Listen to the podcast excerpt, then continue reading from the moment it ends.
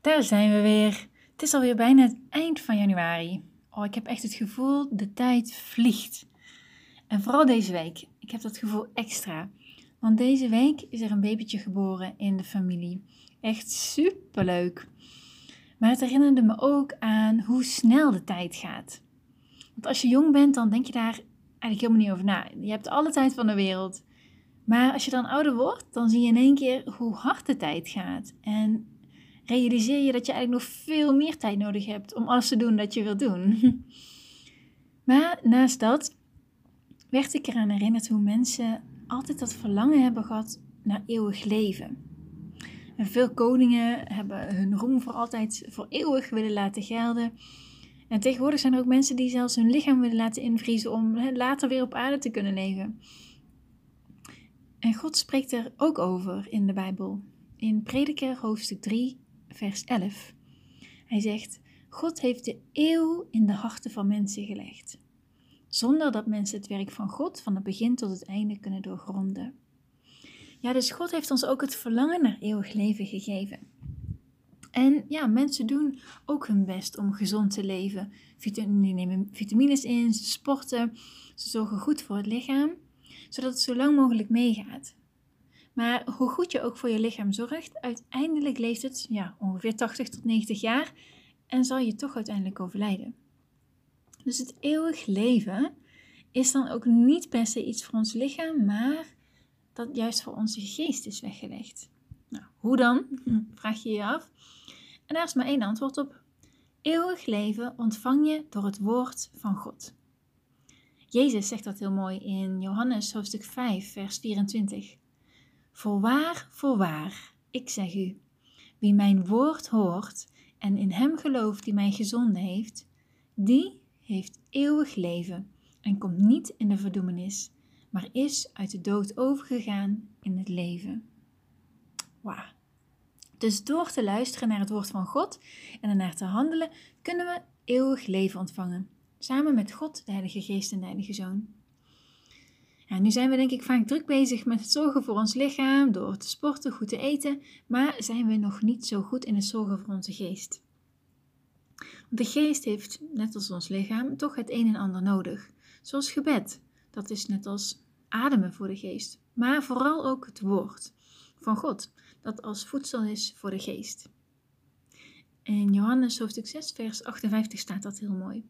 Daar staat: dit is het brood dat uit de hemel neergedaald is. Niet zoals uw vaderen het manna gegeten hebben en gestorven zijn. Wie dit brood eet, zal in eeuwigheid leven. Ja, het woord van God is als voedsel voor onze geest. Wie naar het woord van God luistert en handelt, zal eeuwig leven. Het is niet het woord van belangrijke mensen in de wereld of bekende mensen of rijke mensen dat ons doet leven, maar alleen het woord van God. Dat is ook waarom mensen over Jezus zeiden in Matthäus hoofdstuk 7, vers 29, dat hij gezag had, omdat hij het woord van God verkondigde. Dat was anders dan het woord van de schriftgeleerden. Het woord van God heeft gezag, omdat het ons eeuwig leven geeft. En dit is soms, vind ik, zien jullie ook wel, een beetje vaag. Het lijkt ook zo ver weg, ook zo moeilijk te bevatten. Maar het eeuwig leven is iets dat Jezus zich heel duidelijk realiseerde. Hij zag de mensen die onderweg waren naar de dood, geestelijk gezien. En was bereid zelf te lijden om dat te voorkomen. Om mensen een uitweg te bieden. En ik hoop zelf en voor jullie ook dat we beter kunnen realiseren dat die geestelijke wereld, die wereld na ons bestaan hier op aarde, echt realiteit is. En ja, ergens weten we dat ook wel, denk ik. Want we hebben het allemaal wel eens meegemaakt, toch? We hebben allemaal wel eens dromen die ons iets vertellen. Of een déjà vu of een inspiratie van de Heilige Geest. Er zijn zelfs mensen die geesten zien of engelen hebben gezien. Ik vond dat zelf altijd wel heel lastig, want ik heb geen geesten of engelen gezien. En was daar ook altijd wel een beetje huiverig voor en voorzichtig in als ik anderen daarover hoorde vertellen.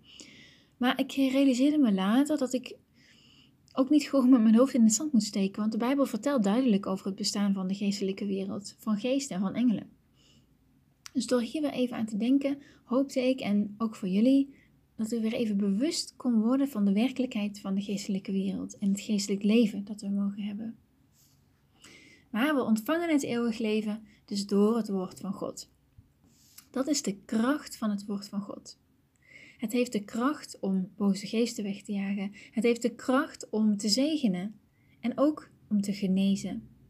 als Jezus of apostelen spraken, gingen boze geesten weg, werden mensen gezegend en ook genezen. Krachtig, hè? Maar misschien heb je zelf ook ineens de krachten van woorden meegemaakt. Door bijvoorbeeld niet te zeggen, dat kan ik niet of ik ben niet mooi, maar door juist te zeggen, ik ben mooi en ik kan het wel. Dat maakt een heel groot verschil en geeft je een hele andere mentaliteit, waardoor je in jezelf gelooft. Dat is de kracht van woorden. Maar Gods woord is krachtiger dan dat. Met het woord van God heeft Hij de hemel en de aarde gemaakt. Zo zie je dat als God het woord verkondigt, Hij er ook naar handelt en het ook werkelijkheid wordt. Ongeacht wat mensen ervan vinden of hè, proberen het anders te doen, God doet zoals Hij heeft gesproken. En God heeft gesproken door Jezus. En gezegd dat als we naar het woord luisteren en naar handelen, we eeuwig leven ontvangen. Dat is de kracht van Gods woord. En ik hoop dat we ons dit dieper kunnen realiseren. Net als dat iemand die niet een gebouw ingaat, dat op instorten staat. Of iemand die niet op een boot gaat, die zal gaan zinken.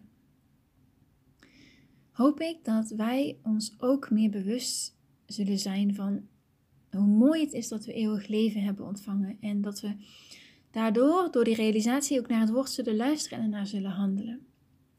En laten we dankbaar zijn voor het eeuwig leven dat God ons gegeven heeft. En terwijl we zorgen voor ons lichaam, door gezond te eten en te sporten, ook voor onze geest zorgen. En weten dat dit het grootste succes is dat we kunnen hebben. Niet alleen die baan, of die mooie auto, of beroemd zijn, maar echt succesvol zijn diegenen die naar Gods woord luisteren en naar handelen en eeuwig leven hebben ontvangen.